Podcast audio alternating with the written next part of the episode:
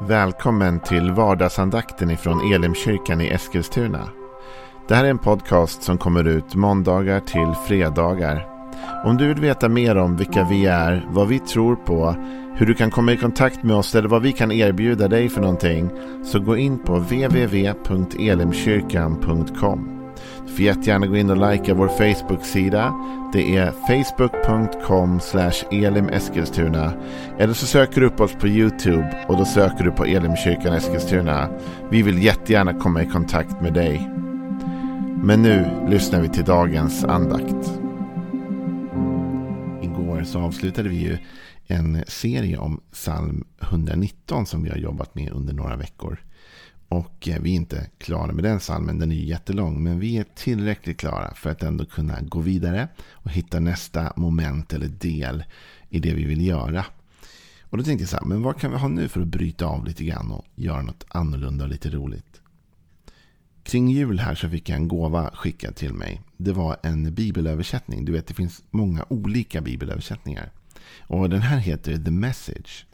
Och The Message har funnits ett tag, Nya Testamentet på svenska. Eh, en, en, annars en amerikansk översättning.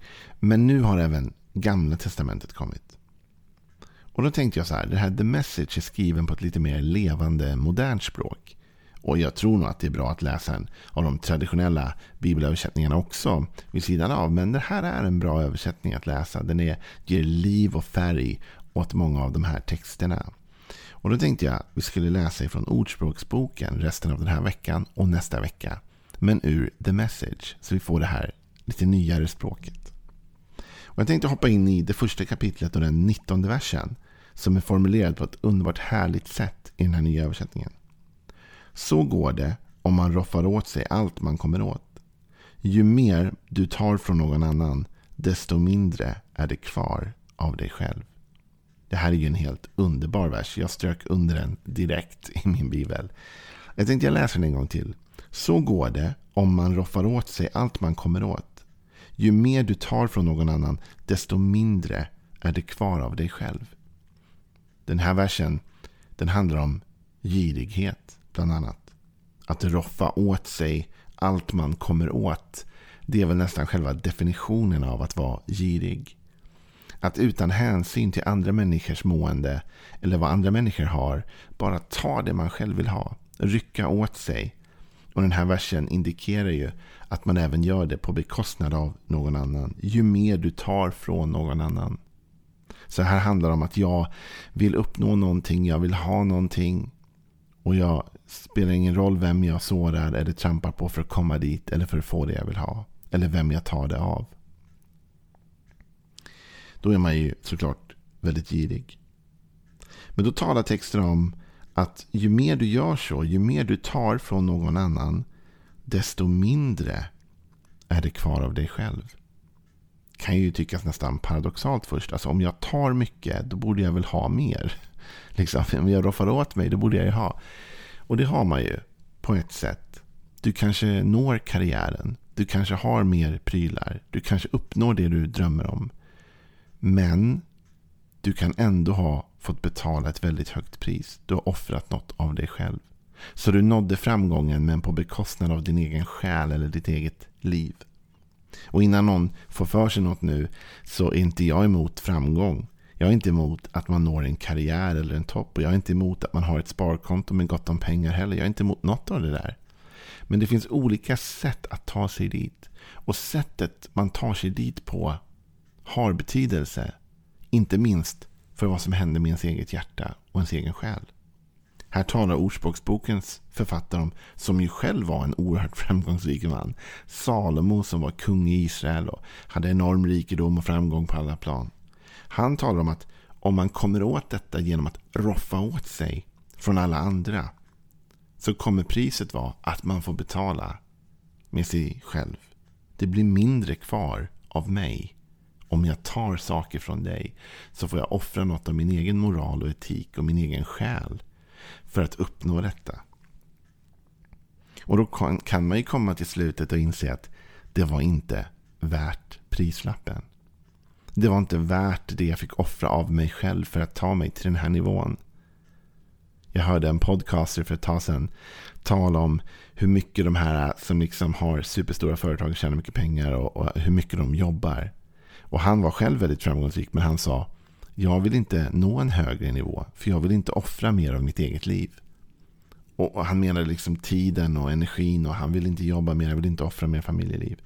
Men du vet om du och jag tar oss till toppen på ett felaktigt sätt. Vi tar oss dit genom att trampa på andra, genom att ta möjligheter från andra, stjäla någon annans grejer liksom. Då är risken den att det blir så lite kvar av oss själva. Jesus, han är ju den som kanske på ett bäst sätt egentligen förklarar detta i sin undervisning när han i Lukas 9 och 25 säger så här. För vad hjälper det en människa, säger Jesus, om hon vinner hela världen men mister sig själv eller går förlorad? Det här är folkbibelns översättning. Alltså vad hjälper det om man vinner hela världen, man når toppen, man blir king of the hill. Men på vägen dit så har man mist sig själv och gått förlorad. Jag gillar det här uttrycket av Jesus och i den här översättningen. Mister sig själv. Man förlorar sig själv. Man når toppen men man är inte längre med. Liksom. Hjärtat har gått förlorat. Själen har blivit trasig. Det kostade. Det var ett alldeles för högt pris att ta sig dit.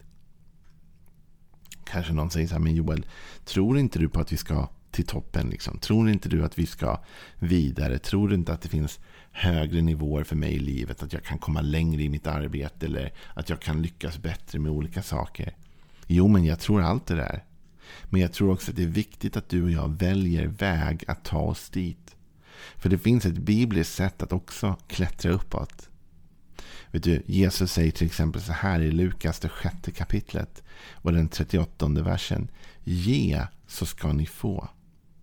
Innan vi går vidare ska jag bara säga att det här är ju det raka motsatsförhållandet till det vi nyss läste, eller hur? Vi läste i Ordspråksboken att, att roffa åt sig allt man kan på bekostnad av andra människor. Här talar Jesus om att ge ut. Han säger ge så ska ni få. Ett gott mått, packat, skakat och rågat ska ni få er famn. Och med det mått som ni mäter med ska det mätas uppåt er. Här talar Jesus om att det finns en annan väg fram. Och det är att vara generös. Det är att ge ut. Det är att istället för att roffa åt sig så öppnar man sin famn och delar med sig. Och här talar Jesus om att den som delar med sig får också tillbaka. Den blir större. Den får tillbaka saker i gott mått och med det mått jag mäter med när jag är generös och när jag delar med mig och när jag hjälper andra. Med det måttet kommer det också komma tillbaka till mig, säger Jesus. Så vi får välja väg liksom.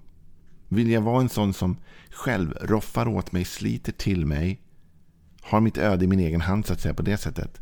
Eller vill jag vara en sån som klättrar upp, men gör det genom att använda de metoder som Gud har tänkt? Generositet, givmildhet, godhet, sätta andra före mig själv, lyfta upp andra. Kanske tänker att om jag sätter andra före mig själv, då kommer jag aldrig komma upp. Jo, du kommer det. Du kommer se att Gud för dig. Han ser. Det här är ett samtal som blir utspelat faktiskt mellan en man som hade vunnit hela världen men förlorat sin själ och Jesus och lärjungarna. Vi hittar det i Markus 10. Det är en rik yngling som kommer till Jesus. Han äger väldigt mycket. Han är oerhört framgångsrik. Och Jesus säger åt honom att sälja det han har och ge till de fattiga. Och det, mannen klarar inte av det. Det skulle kosta honom för mycket. Han har ju roffat och slitit åt sig allt detta. Ska han nu bara ge bort det liksom? Och han har ingenting kvar. Han har en själslig tomhet kan man säga. Så han går därifrån.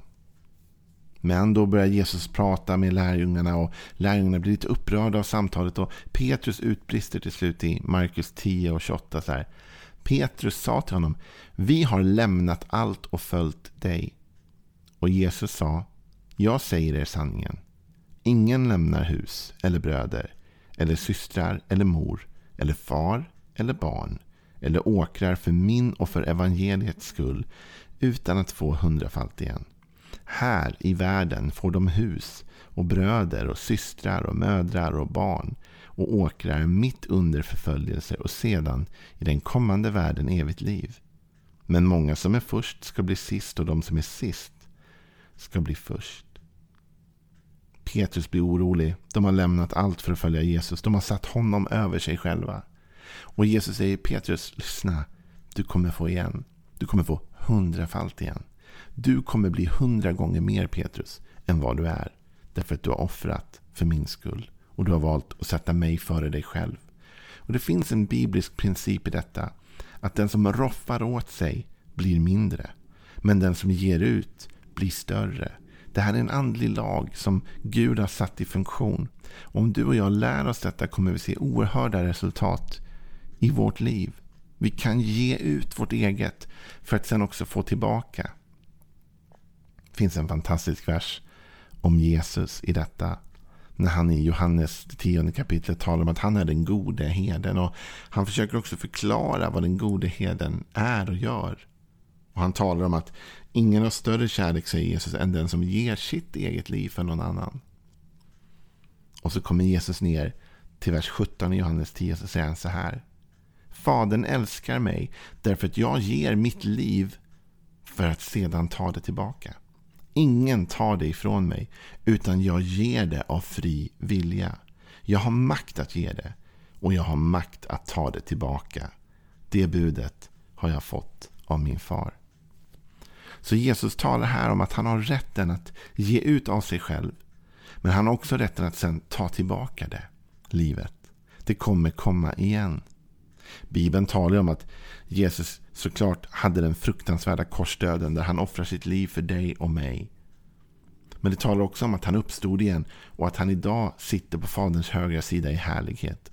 Jesus är uppstånden. Han sitter i härlighet. Han har ett namn som är över alla andra namn. Bibeln säger att Jesu namn är över alla andra namn. Det innebär att man kan inte komma högre än Jesus. Och hur kom Jesus till denna högsta position i livet? Han kom dit genom att först offra sitt eget liv. Genom att vara utgivande. Inte roffa åt sig. Så det finns olika vägar till toppen. Vi kan komma uppåt i vårt liv, i vår karriär, på olika sätt i vår ekonomi kanske och på andra plan. Genom att roffa åt oss på bekostnad av andra människor. Problemet med det är att varje gång vi roffar åt oss någonting så blir vi mindre som människor. Å andra sidan säger Jesus att det finns ett annat sätt att komma uppåt. Och det är genom att ge. Ge så ska det bli er givet. Petrus, sa Jesus, du kommer bli hundra gånger större för att du har offrat allt. Om sig själv sa han, jag ger mitt liv och jag tar det tillbaka. Och idag har han ett namn över alla andra namn. Välj generositetens väg. Idag välj att ge istället för att roffa. Välj att se någon annans behov och möt det behovet. Gud kommer att upphöja dig när tiden är rätt. Ödmjuka er under Guds starka hand så att han kan upphöja er när tiden är inne, står det. Och så får vi tro. Så den första versen från Ordspråksboken, imorgon tar vi en ny. Den första versen nu, The Message, löd så här. Så går det om man roffar åt sig allt man kommer åt. Ju mer du tar från någon annan, desto mindre är det kvar av dig själv.